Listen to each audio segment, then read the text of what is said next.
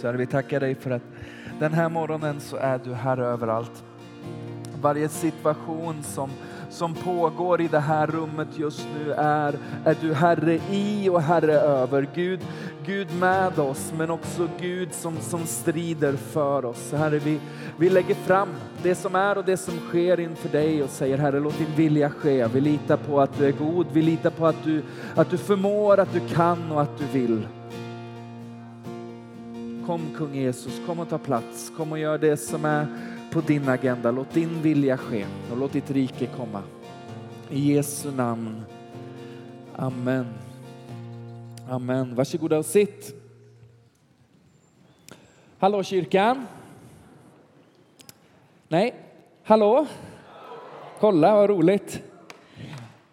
Är det bra? Olika kan jag tänka. Eh, det är inte säkert att det är bra för alla.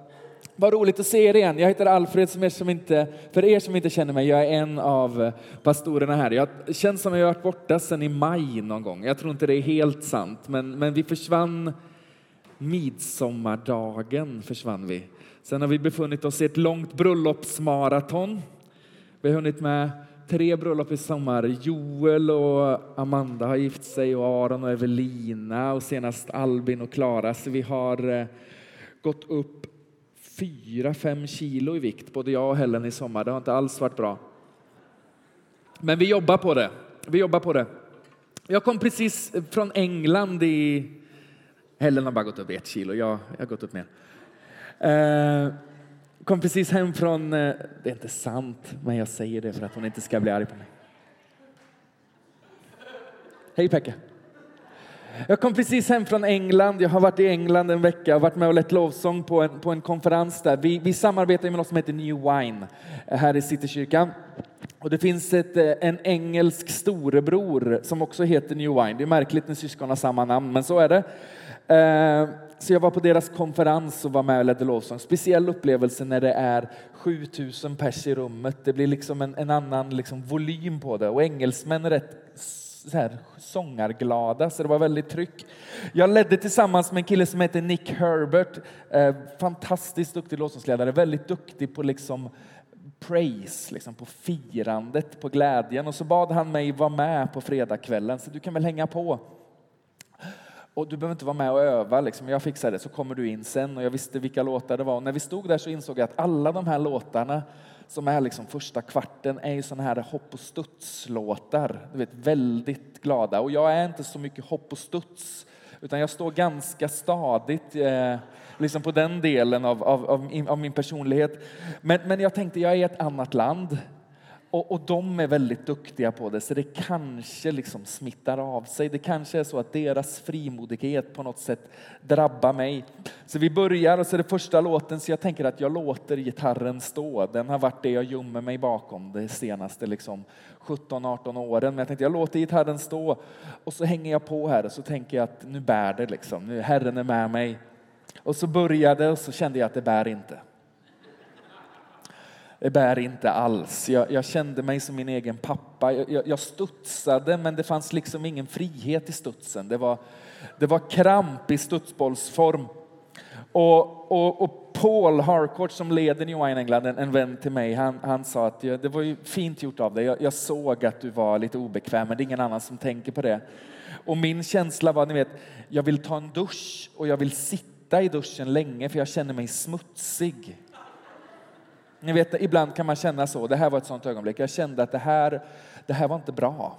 Det här, var, det här var inte liksom frimodighet, utan det här var högmod. Jag trodde att jag hade det, men jag hade det inte. Och så stod jag och pratade med Paul och han var väldigt, ingen som märker något, ingen som märker något. Så kommer det fram en, eh, en, en tjej, hon kanske är 17-18 år, och så säger hon så bara, du, hur kändes det i lovsången igår kväll? Så, Ah, ska jag vara ärlig så tyckte jag inte att det kändes helt bekvämt. Det är nog inte min grej. Så, nej, det märktes. Det märktes. Och så fick jag ett sms från en av tjejerna som var med och sjöng och så sa hon att min, min pappa säger att du såg ut som han känner sig. Uh, så att, uh, men, men, det finns ett, eh, ett filmklipp på det här som cirkulerar och jag har, eh, jag är inte där än. att jag är beredd att dela det med er. Men så kan det vara. Vi har åkt mycket bil i sommar. Just det, jag ska starta någon sorts timer. Så jag, nu har jag inte pratat på länge med er, så det kan bli hur länge som helst. Nu får jag sätta igång en klocka så jag vet vad jag gör. Vi ber innan jag pratar vidare. Det känns rimligt. Herre, vi tackar dig för, för den här söndagen. Vi tackar dig för att den här söndagen är ditt ord levande och verksamt. Så vi ber dig heliga Ande, kom och tala till oss. Vi tackar dig för din fantastiska förmåga att ta samma ord och ge dem olika innebörd för olika individer i, i olika säsonger och tider. Så vi ber dig kom och, och andas liv, kom och, och styrk våra hjärtan, styrk vår tro och, och, och hjälp mig att hålla kurs och riktning. I Jesu namn. Amen. Vi har åkt jättemycket bil i sommar, Helen och jag. Vi har, har pendlat fram och tillbaka mellan, mellan Vargön, där mina föräldrar bor, och, och, och, Stockholm. Så vi har åkt jättemycket. Kanske inte mycket för en del, men för oss, liksom, ett par hundra mil är mycket för oss. Och jag och Helen, vi, vi är lika på väldigt många sätt. Vi liksom delar många intressen i livet, men, men när det gäller vad vi lyssnar på i bilen så är vi väldigt olika. Eller överhuvudtaget vad vi lyssnar på. Helen lyssnar på musik hela tiden i stort sett. Duschar hon så ligger telefonen och spelar. Liksom. Jag förstår inte, för duschen låter ju så mycket i sig och så ligger en telefon och spelar och jag tänker man hör ju inte vad som händer men det är musik. Och lagar hon mat så är det musik och liksom, du vet, det är hela tiden liksom musik som rullar. Helst genom en iPhone också, inte uppkopplat i en högtalare. Jag förstår inte riktigt poängen med när det inte finns något som händer under liksom 800 hertz. Det blir väldigt tunt och tanigt. Men Helen lyssnar på musik, jag lyssnar på pratradio. Det är också någon sorts åldersmarkör. Jag har en inre gubbe som, som tycker om att lyssna på pratradio. En av våra resor så, så, så förlorar jag mig själv fullständigt i filosofiska rummet. P1 va? Är det inte det? Det är också, på ett sätt så gjorde det lite ont att inse att jag gillar det här. Eh, men, men det var också väldigt intressant. Och så pratar de om den här gubben. Jag gillar ju bilder på gubbar. Zygmunt Bauman. Hur många har liksom en referens på Zygmunt Bauman? Kolla. Daniel Cizek har koll, imponerande. Pekka vet också. Det säger du bara. Förra gången jag hade bild på en, en gubbe så var det Burk-Kurt. Idag är det Zygmunt Bauman. Han är eh, britt, polack, eh, eh, av judisk eh, härkomst, judiskt påbrå. Han är professor och sociolog och en av liksom 1900-talets stora rockstjärnor inom sociologin. Hans böcker är liksom här uppe och, och, och, när han liksom föreläste, nu har han gått ur tiden tror jag, men, men när han föreläste så var det liksom eh, grejen. Han, de hade ett samtal om hans liksom livsverk som jag tyckte var otroligt intressant. Sigmund han, han myntade liksom ett koncept som han kallade retrotopia. Och där han menar att i en, i en värld som, som är så globaliserad som våran värld är, där, där allt egentligen är tillgängligt, där en, en stor dröm inte är att flytta från Vargön till Vänersborg. Liksom, det kunde ju vara liksom en, en rejäl dröm för, för hundra år sedan att någon dag så ska jag lämna Vargön och flytta till Vänersborg. Men det gör man inte. För övrigt, om man bor där nere så gör man inte den förflyttningen. Men bara för att illustrera. Uh, men han säger att i en värld när allt är tillgängligt så klarar inte människan längre av att drömma framåt, för det finns för många alternativ. Och så säger han att då uppstår någonting som han kallar retrotopia, drömmen om det som har varit. Där vi inte längre liksom drömmer framåt och tänker en dag, utan snarare så tänker vi, tänk när det var. Och så fäster vi vår blick i någon sorts socker smickrad liksom dröm om, om dåtiden och så blir det väldigt härligt med folkhemmet och röda stugor och, och pilsnerfilm och Trocadero och sådana saker. Men i det så finns det också en, en framväxande liksom nationalromantik och en, en framväxande eh, nationalism och liksom känslan av att vi behöver sluta oss och vända tillbaka till den tiden när allt var greppbart och litet. För det stora känns lite skrämmande. Och så sitter jag och lyssnar på det och så sitter jag och tänker på liksom all, all oro som finns, all rädsla som finns, alla liksom farhågor som vi lever med. Och så kommer jag, där kom han.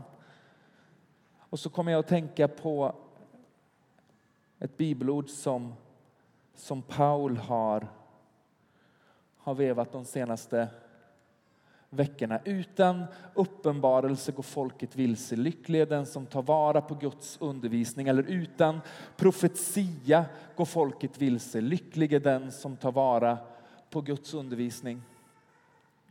Och så börjar jag tänka, liksom, vad är det att vara kyrka i en tid som denna? Och jag har inte jättebra och alla svar, men jag tänker att vi ska försöka bena lite i det idag. Det är någonting som, som, som, liksom, som händer och sker. Och så läste jag en text igår i Expressen av den här killen. Känner ni igen honom? Han är en, en, liksom en eh, mer nutida referens. Joel Halldorf.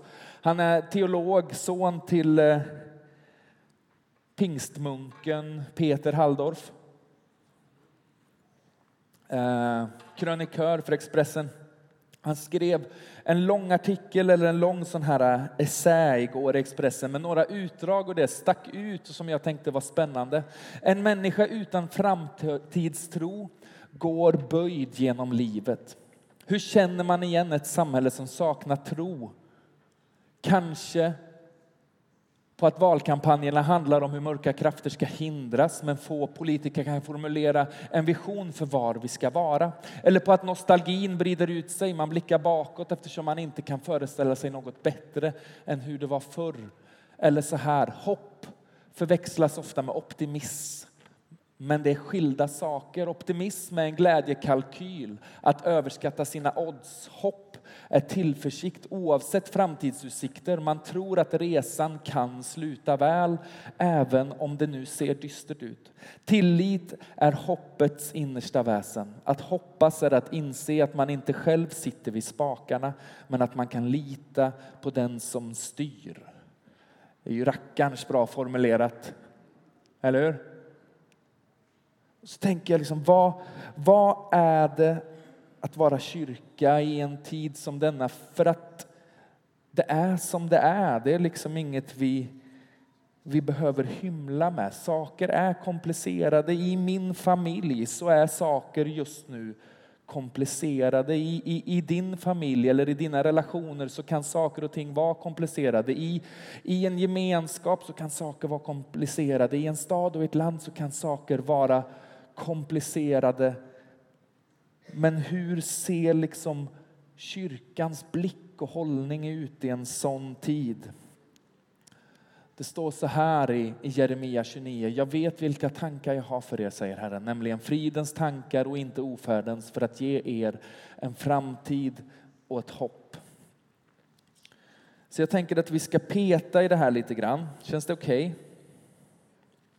För sanningen är att det krävs ingen, ingen profetisk skärpa för att beskriva samtiden som den är. Det krävs ingen urskiljning för att konstatera att en del saker faktiskt är ganska besvärliga. Det är enkelt att titta på mitt liv, min omgivning och det samhälle som vi lever i och konstatera att det finns utvecklingspotential. Om vi ska använda ett positivt ord. Det, det kan vi säga. Det finns, det finns utvecklingspotential. Men det krävs profetisk skärpa för att stå mitt i våra omständigheter och tala till det som inte är som om det redan var. I varje situation där hopplöshet råder så finns det en möjlighet och skulle jag också vilja påstå en skyldighet för Guds folk att tala framtid och hopp, inte naiv optimism utan ett kom till liv. Jag tänker att det är inte konstigt att saker och ting är som de är. För någonstans så är vi ytterst skapade för att leva med ett Guds ja över våra liv. En känsla av att, av att han går att lita på. Oavsett vad som händer och sker, även om det liksom är, är otydligt och kanske också skrämmande så, så kan jag överlåta min, min framtid i, i hans händer. Och hur ser då det ut på något sätt? Jag behöver inte lita på mig själv. Jag behöver inte blicka bakåt för att finna svaret på de frågor som jag har utan snarare lyfta blicken uppåt och fästa, dem på, fästa den på honom som är lösningen på mina problem. Förstår ni mig än så länge? Och så tänker jag så här då att vi ska hitta någon sorts bibelpassage för att eh, ta oss igenom det här. Kan de här benen få liv igen? Hesekiel 37. Om ni vill ha en bibel att följa med i för att se att jag inte lurar er så kan ni ta fram den nu. Annars kommer allt på skärmarna. Det står så här. Herrens hand kom över mig och genom Herrens ande fördes jag bort och sattes ner mitt i en dal som var full med ben. Han förde mig fram bland dem och se, de låg där i stora mängder över dalen och se, de var alldeles förtorkade. Han sa till mig, människobarn, kan de här benen få liv igen? Jag svarade, Herre Gud, du vet det. Då sa han till mig, profetera över dessa ben och säg till dem, ni förtorkade ben, hör Herrens ord. Så säger Herren Gud till dessa ben, se, jag ska låta ande komma in i er så att ni får liv. Jag ska sätta senor på er och låta kött växa ut på er och täcka er med hud och ge er ande så att ni får liv och ni ska inse att jag är Herren. Jag profeterade som jag blivit befalld och när jag profeterade hördes ett ljud. Det blev ett rassel och benen kom tillsammans så att ben fogades till ben. Medan jag såg på växte senor och kött på dem och de täcktes med hud men ännu fanns ingen ande i dem. Då sa han till mig, profetera till anden, jag profeterar du människobarn och säg till anden, så säger Herren Gud, kom du ande från dessa fyra väderstrecken och blås på dessa slagna så de får liv. Och jag profeterade som han hade befallt mig. Då kom anden in i dem och de fick liv och reste sig upp på sina fötter, en mycket stor skara. Han sa till mig, människobarn, dessa ben är hela Israels hus. Se, de säger, våra ben är förtorkade, vårt hopp är ute, det är slut med oss. Profetera därför och säg till dem, så säger Herren Gud, se, jag ska öppna era gravar och hämta upp er, mitt folk, ur era gravar och låta er komma till Israels land. Ni ska inse att jag är Herren när jag öppnar era gravar och för, er, för upp er, mitt folk, ur dem. Jag ska låta min ande komma in i er så att ni får liv och jag ska låta er få bo i ett land och ni ska inse att jag, Herren, har sagt det och att jag har gjort det, säger Herren.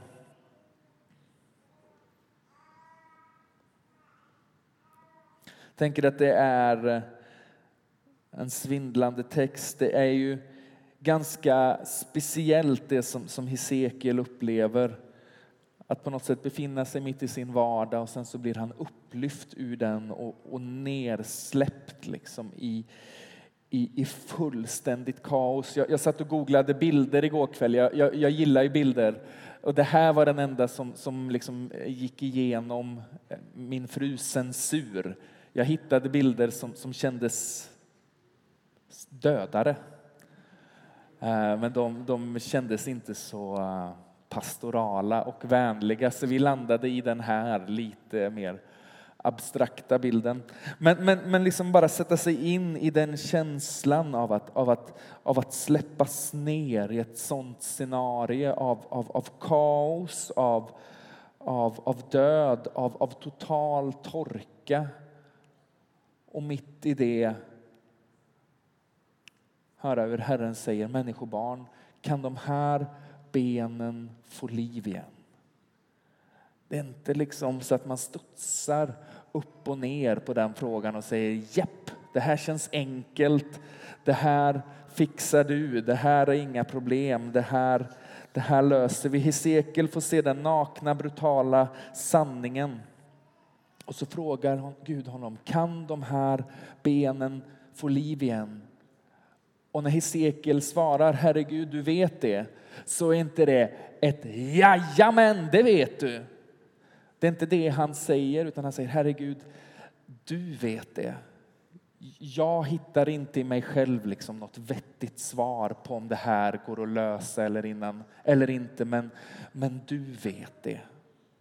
Om man tittar i, i lite andra översättningar så hittar man andra formuleringar som liksom mer ger bilden av att Hesekiel liksom är den här frågan har du nog bara svaret på, jag vet inte. Det är inget trosvisst som Hesekiel ropar ut. Det är ett tveksamt svar och det hoppfulla tänker jag är att svaret är tveksamt. Men att det föregås av bekännelsen om vem Gud är. Herre Gud, du vet det. Ibland får vi för oss att vi ska vara fullfjädrade troshjältar för att Gud ska kunna använda oss. En märklig idé om andliga supermänniskor som fullständigt saknar alla spår av kamp, otro och missmod. Men Gud tar inte Hesekiels tveksamhet med i kalkylen. Snarare så blir den strimma av tro som han har språngbrädan framåt. Det finns så mycket som, som händer runt omkring mig, så mycket som händer runt omkring dig och oss, där vi kan känna rent mänskligt att jag vet inte om det här löser sig. Liksom. Jag vet inte om vi rider ut den här stormen. Jag vet inte om det finns hopp för den här situationen. Och så frågar Gud oss, kan de här benen få liv igen? Kan den här situationen på något sätt vändas oavsett om det är på en global eller nationell eller personlig nivå? Och så säger Hesekiel, Herregud, alltså, du som är den höge och, och, och den helige, du vet det. Jag, jag, är inte säker, jag är inte helt såld liksom än. Jag känner inte att jag, jag går och tar ett lån för att köpa aktier i det här företaget riktigt än. Men, men någonstans så bekänner jag fortfarande dig. Du är Herre. Och på grund av att du är den som du är så så har jag liksom en strimma av tro, en strimma av hopp. Förstår ni mig so far? Snälla ni. Då sa han till mig, profetera över dessa ben och säg till dem, ni förtorkade ben, hör Herrens ord. Så säger Herren Gud till dessa ben. Se, jag ska låta ande komma in i er så att ni får liv. Jag ska sätta senor på er och låta kött växa ut på er och täcka er med hud och ge er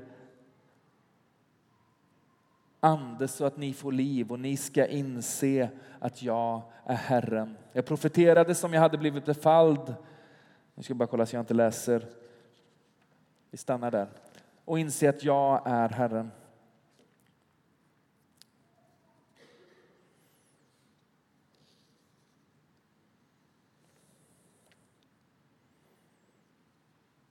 Där är jag.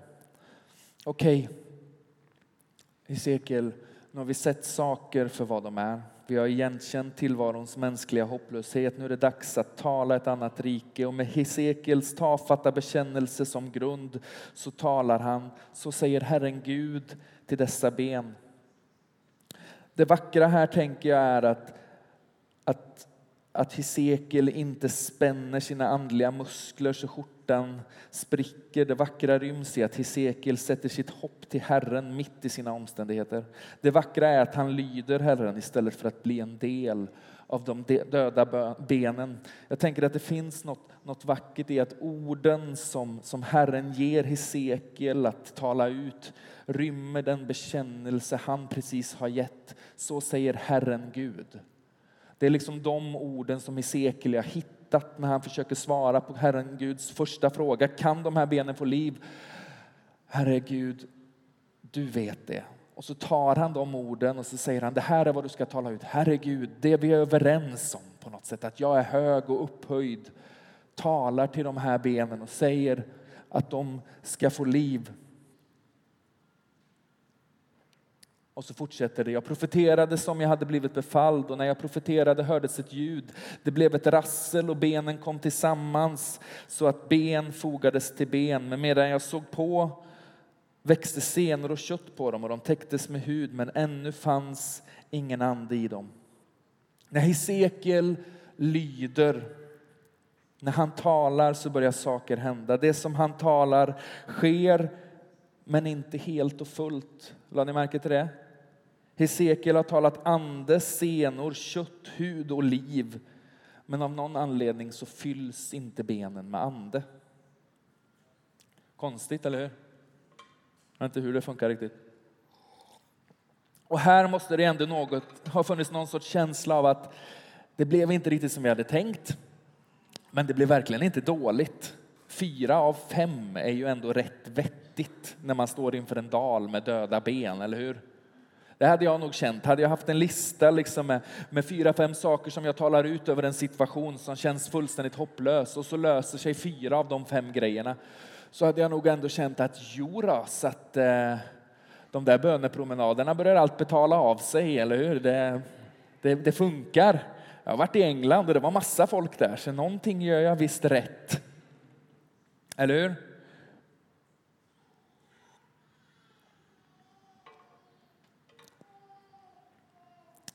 Men risken är att, att vi på något sätt i, i vad vi sträcker oss efter nöjer oss med, hur ska vi artikulera det här?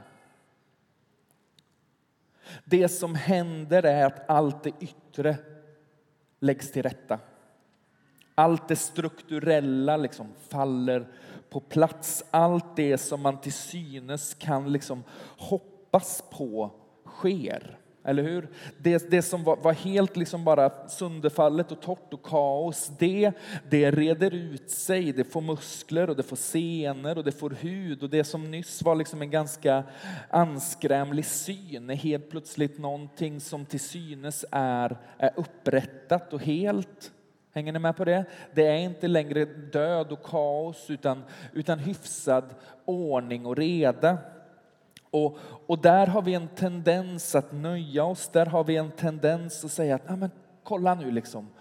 I, i en familj, liksom, nu känns det ändå som att det har löst sig, eller i ett samhälle. Nej, men kolla, vad, nu har vi liksom, liksom någon sorts kristen liksom, etik och moral. Nu, nu, nu, nu, funkar det, nu tycker vi samma, nu, nu rullar det fint. Liksom. Nu, nu har vi rimliga liksom, eh, förutsättningar och värderingar. Men det verkar inte som att det riktigt är vad Herren var ute efter. För han säger till honom igen, då sa han till mig, profetera till anden, jag profeterar du människobarn och säg till anden, så säger Herren Gud, kom du ande från de fyra väderstrecken och blås på dessa slagna så de får liv. Och jag profeterade som han hade befallt mig då kom anden in i dem och de fick liv och reste sig upp på sina fötter. En mycket stor skara.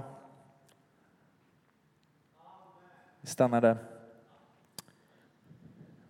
Jag tänker att det är, det är fantastiskt med liksom sociala strukturer. Det är, det är fantastiskt med kristna människor som, som engagerar sig i, i politik oavsett vilket parti som man röstar på eller vilket parti man jobbar för. För någonstans ytterst sett så, så har Gud gjort något i ditt liv. Oavsett vart du befinner dig på kartan så, så kommer det på ett eller annat sätt skina igenom. Och sen så har vi, har vi problem med olika saker på olika ställen. Men, men så är det ju för att det här är ju liksom mänskliga idéer. Det är ju mänskliga strukturer.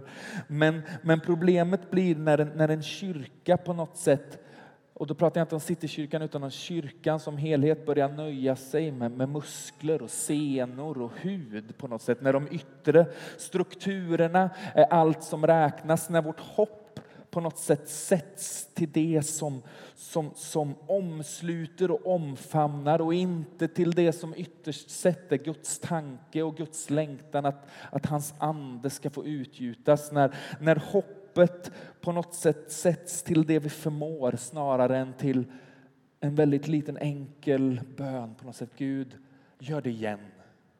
Sänd din eld, sänd din ande, utgjut någonting över oss som, som förmår att lyfta vår blick från våra omständigheter och fästa den på dig själv. Herre, vi, vi, vi behöver väckelse. Det finns något lurigt när hela kyrkans samtal på något sätt börjar kretsa kring Ja, men tänker man så så är man en del av avfallet eller tänker man så är man en del av avfallet eller tänker man så är man en del av avfallet. Det finns tillfällen när vi på något sätt behöver sätta ner foten och säga att det där är problematiskt. Det där är djupt, djupt problematiskt men ytterst sett så så är den längtan som vi är kallade att bära. Gud, utgjut din ande. Det finns en viss mängd av saker vi förmår i egen kraft där vi liksom kan jobba för att sunda värderingar och sunda liksom tankar ska få genomsyra det vi är och det vi gör. Men i slutändan så bygger det på att Guds ande på något sätt får, får gripa in och ta det som till synes är helt men fortfarande är dött och ge det liv igen. Förstår ni mig?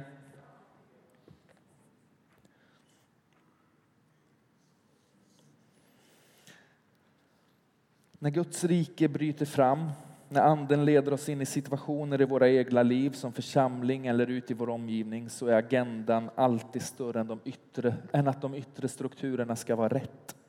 Guds agenda är att hans ande ska fylla det döda med liv. Vårt uppdrag har aldrig varit att putsa på fasader, att skapa lagar och regler. Det är inte dåligt, men mänsklig vishet och kristen etik kan aldrig förändra en situation i grunden. Först när Guds ande får genomsyra och uppfylla så bryter liv fram i dess sannaste bemärkelse. Först när benen har fått kött och senor, liv och ande, först då förklarar Herren vad det är Hesekiel ser. Och så fortsätter texten. Han sa till mig, människobarn, dessa ben är hela Israels hus. Se, de säger, våra ben är förtorkade, vårt hopp är ute, det är slut med oss.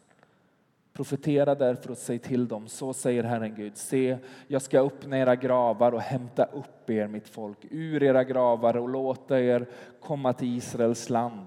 Ni ska inse att jag är Herren när jag öppnar era gravar och för upp er, mitt folk, ur dem. Jag ska låta min ande komma in i er så att ni får liv och jag ska låta er få bo i ert land och ni ska inse att jag, Herren, har sagt det och att jag har gjort det, säger Herren.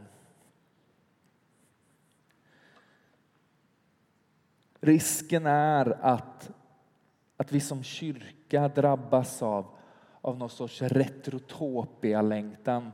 Vi längtar tillbaka till en tid men när det vi stod för var allmängods. När det vi stod för på något sätt var household, allmängods kanske är samma ord, i, i, i samhället även utanför kyrkan. Men, men vi glömmer att det var konsekvensen av att Gud utgöt sin ande. Att han lät någonting på något sätt gå fram genom hem och genom församlingar som inte var format här uppe utan som var format på grund av att Gud gjorde någonting i människors liv. Och så börjar vi längta tillbaka till, till strukturerna istället för att säga Gud, Sänd din ande igen, sänd din eld igen, utgjut någonting över oss och ibland oss igen som får oss att resa oss upp mitt i dalen, mitt i det döda och det torra och så börjar vi tala liv till det.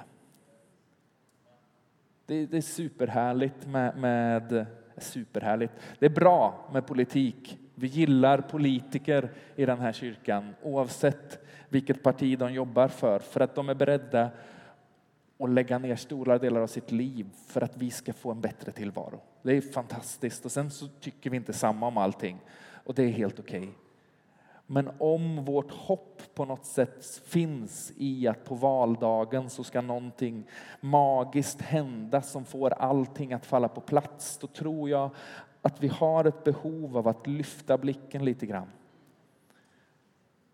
för Herrens fråga till oss är inte ytterst sett, liksom, är du vänster eller höger? Utan hans fråga till oss är, kan de här benen få liv igen? Tror ni att jag kan göra det igen? Tror ni att jag förmår? Och där så kan vi känna lite sådär, Herre, du vet, jag är inte säker på att jag får se en väckelse. Men jag vet att du är god. Jag vet att dina tankar för mig är goda tankar, att de är framtid och att de är hopp. Och därför så säger jag, Herre, jag litar på dig.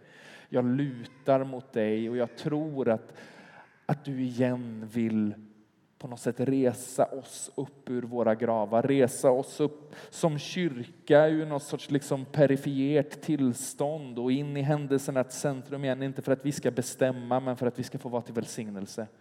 För att vi ska få låta det som är liv, framtid och hopp på något sätt få pulsera ut genom alla delar av, av samhället. Förstår ni vad jag far efter? Risken är att vi fastnar i sandlådan. Risken är att vi blir så upptagna med senor och ben, med kött och hud. Att vi på något sätt glömmer bort att tala ut det viktigaste av allt över de situationer där vi befinner oss. Herre, kom med din ande, kom och andas liv in i det som fortfarande är dött, även om det strukturellt sett ser liksom fint och ordnat ut. Det vi behöver är att du kommer med liv. Inte att vi får detaljerna liksom på plats. Det spelar roll, det är inte oviktigt. Men ytterst sett så behöver vi få se att Gud verkar i oss. Det är frestande att dra upp det på något sorts helt nationellt plan. Men sanningen är att, att vi varje dag befinner oss mitt i en hög av döda ben på olika ställen. På våra arbetsplatser, i våra hem, i våra relationer. Och någonstans så, så finns det en, en, en, en lockelse i det att på något sätt börja muttra över sakers tillstånd, att börja klaga på att det ser ut som det gör. Att, att bli så förfärad att vi på något sätt lägger oss ner bredvid benen och dör. Men tänk om, om det finns en inbjudan till dig i de situationerna att bara lyssna efter Herrens röst som alltid börjar med en stilla frågan. Alfred, tror du att de här benen kan få liv igen? Tror du att någonting kan förändras? Tror du att jag är den jag säger att jag är? Tror du att jag kan göra det igen? Och så säger vi, Herre, jag har inte sett det och jag har svårt att klura ut det i mig själv. Jag kanske till och med har testat att lösa det själv. Lyckas sådär. Jag dansar på liksom, men det känns som att det lossnar inte riktigt. Eller så säger jag, Herre, du kan, du förmår. Jag lämnar över till dig igen. Vad var det broder Halldorf skrev? Backar vi, vet du. Nackdelen med att ha många slides.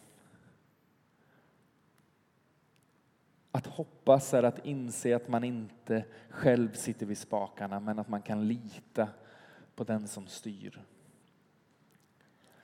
Så jag tänker att vi ska ge oss efter det här en stund. Bara kolla hur länge jag har hållit på, det är roligt. 32 minuter, inte så illa. Ska vi stå upp?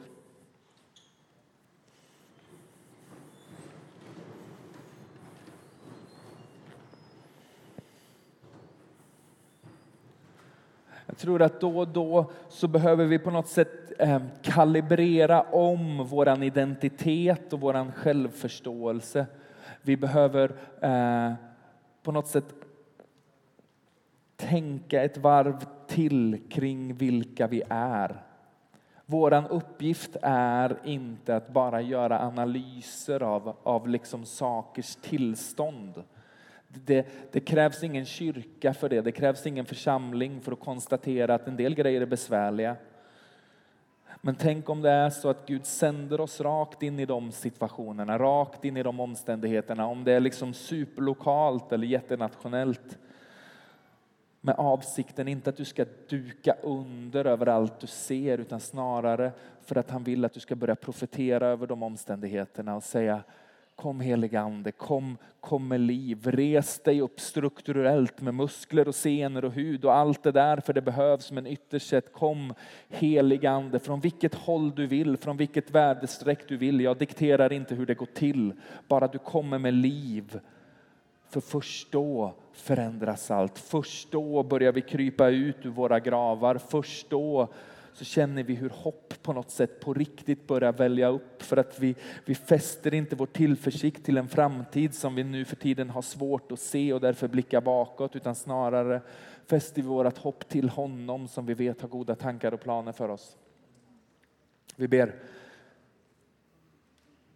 Kom helige Ande. Vi bara stilla en liten stund. Blunda, håll ut händerna om du vill, slappna av. Kom helige Ande.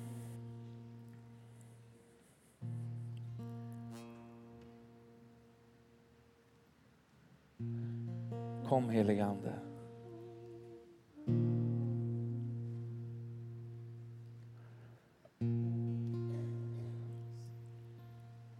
Herre, vi tackar dig för, för förmånen som det är, trots smärtan som det innebär, att få befinna sig mitt i en dal. Att få befinna sig mitt i ett, ett, ett hav av döda ben. Inte för att det är en plats där vi trivs, men för att vi inser att, att du håller på att göra någonting. Att saker och ting står dåligt till inom vissa områden är inte nödvändigtvis liksom ondskans triumf bland oss, utan snarare Gud som placerar oss mitt i det för att vi ska få förmånen att tala och hans vägnar för att det ska vändas. Så heligande, vi ber dig att du visar de områdena för oss just nu som vi befinner oss mitt i var och en.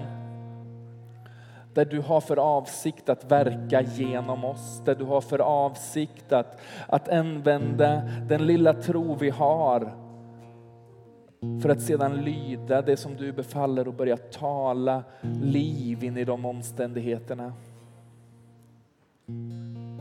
Så kom helige Ande, Stärk vårt hopp. Stärk vårt mod. Stärk vår, vår frimodighet.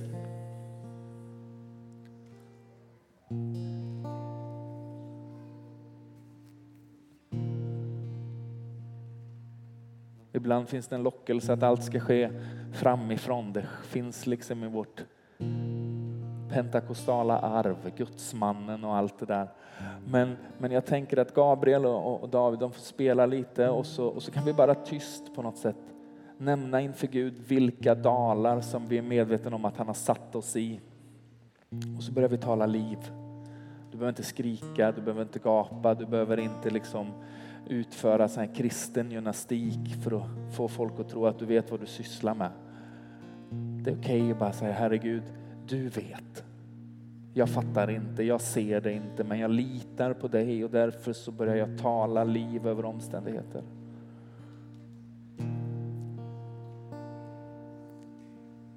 Så kom heligande. Kom heligande. Blås liv. Blås liv.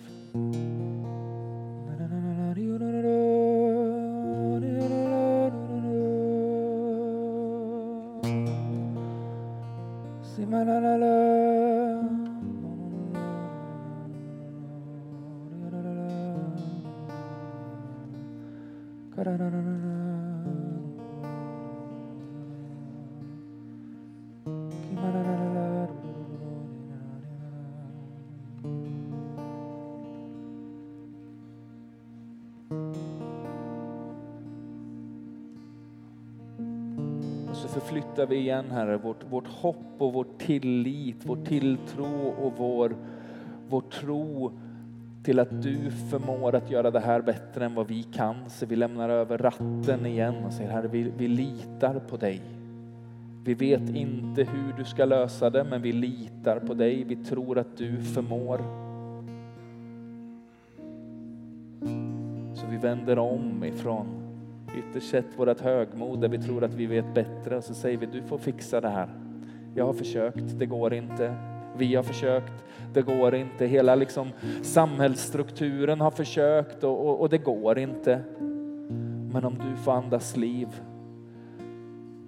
så får det döda liv. Vi välkomnar dig. Vi välkomnar dig.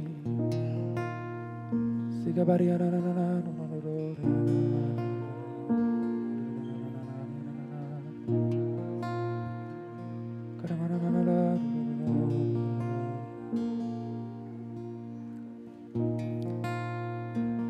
ska alldeles strax gå in i en, en stund av, av förbön. Har vi fått några kunskapsord? Har vi något sånt?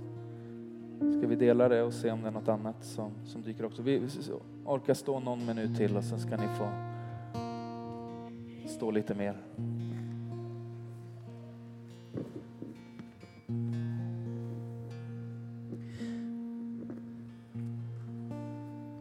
Några situationer som eh, kanske är speciellt uttorkade som eh, bedja, eh, de som bad innan här plockade upp. Um, Och eh, dels en relation, ehm, en parrelation som står inför ett, ett, en situation och perspektiven är helt olika på det här. Men idag så vill Gud ge en, en enhet, en förståelse för den andres bild av det hela. Det, du, det finns någon som finns i en brottningskamp. Hela din Guds relation är egentligen ett torrt ben idag. Eh, är din känsla. Men, men eh, kan det få liv? Absolut. Ehm, så välkommen fram där det går ner till din, liksom, fundamentet i din tro idag. Det är torrt där. Gud vill blåsa liv i detta. Någon med migrän där ehm, eh, det är så illa så att det, kropp, ehm, det domnar på kroppsdelar som domnar bort eh, av dessa migränanfall. Ehm, så, eh, men jag tror att ehm, och det finns flera av oss som har, står i situationer där vi ska få bidra med liv, tala liv. Men det är också flera av oss som upplever oss själva vara det förtorkade benet. Eller, eller eh, en kropp utan ande i. Du går tom i vardagen riktningslös och inte fylld av liv. Du vet att du lever, du vet att du gör det du gör och någonstans är det kanske inte problemfritt eller problemfyllt ska jag säga, men, men du behöver liv idag. Så välkommen så får vi be för dig och stå med dig i det. Välkomna Guds ande att fylla dig idag. Um, också det här kring, en del av oss förebilderna kan gärna få gå, gå hit också. Um, när vi tar emot Guds frid när vi tar emot Jesu frid på insidan, då blir det ibland så um, i motsats till den ofrid som är runt omkring oss. Eller det blir liksom en sån kontrast mellan det som Gud gör i ditt liv så att den här ofriden nästan läggs över dig. Jag vet inte om det här relaterar till någon, men, men det finns, du är sänd med frid, men, men ju mer frid du får, desto mer ofrid känner du av. Och den negativa känslan kan bli problematisk om vi inte förstår vad som sker. Så man, man har en bild av vad frid är och att det här är vad Gud gör och så krockar det och så blir det en back. Liksom. Eh, om det är relaterat till någon också så, så ska du få uppleva eh, ett nytt tillstånd att vara sänd med frid. Så som Jesus säger att jag sänder er eh, med den frid som jag ger er att ge vidare. Hade du något mer Alfred?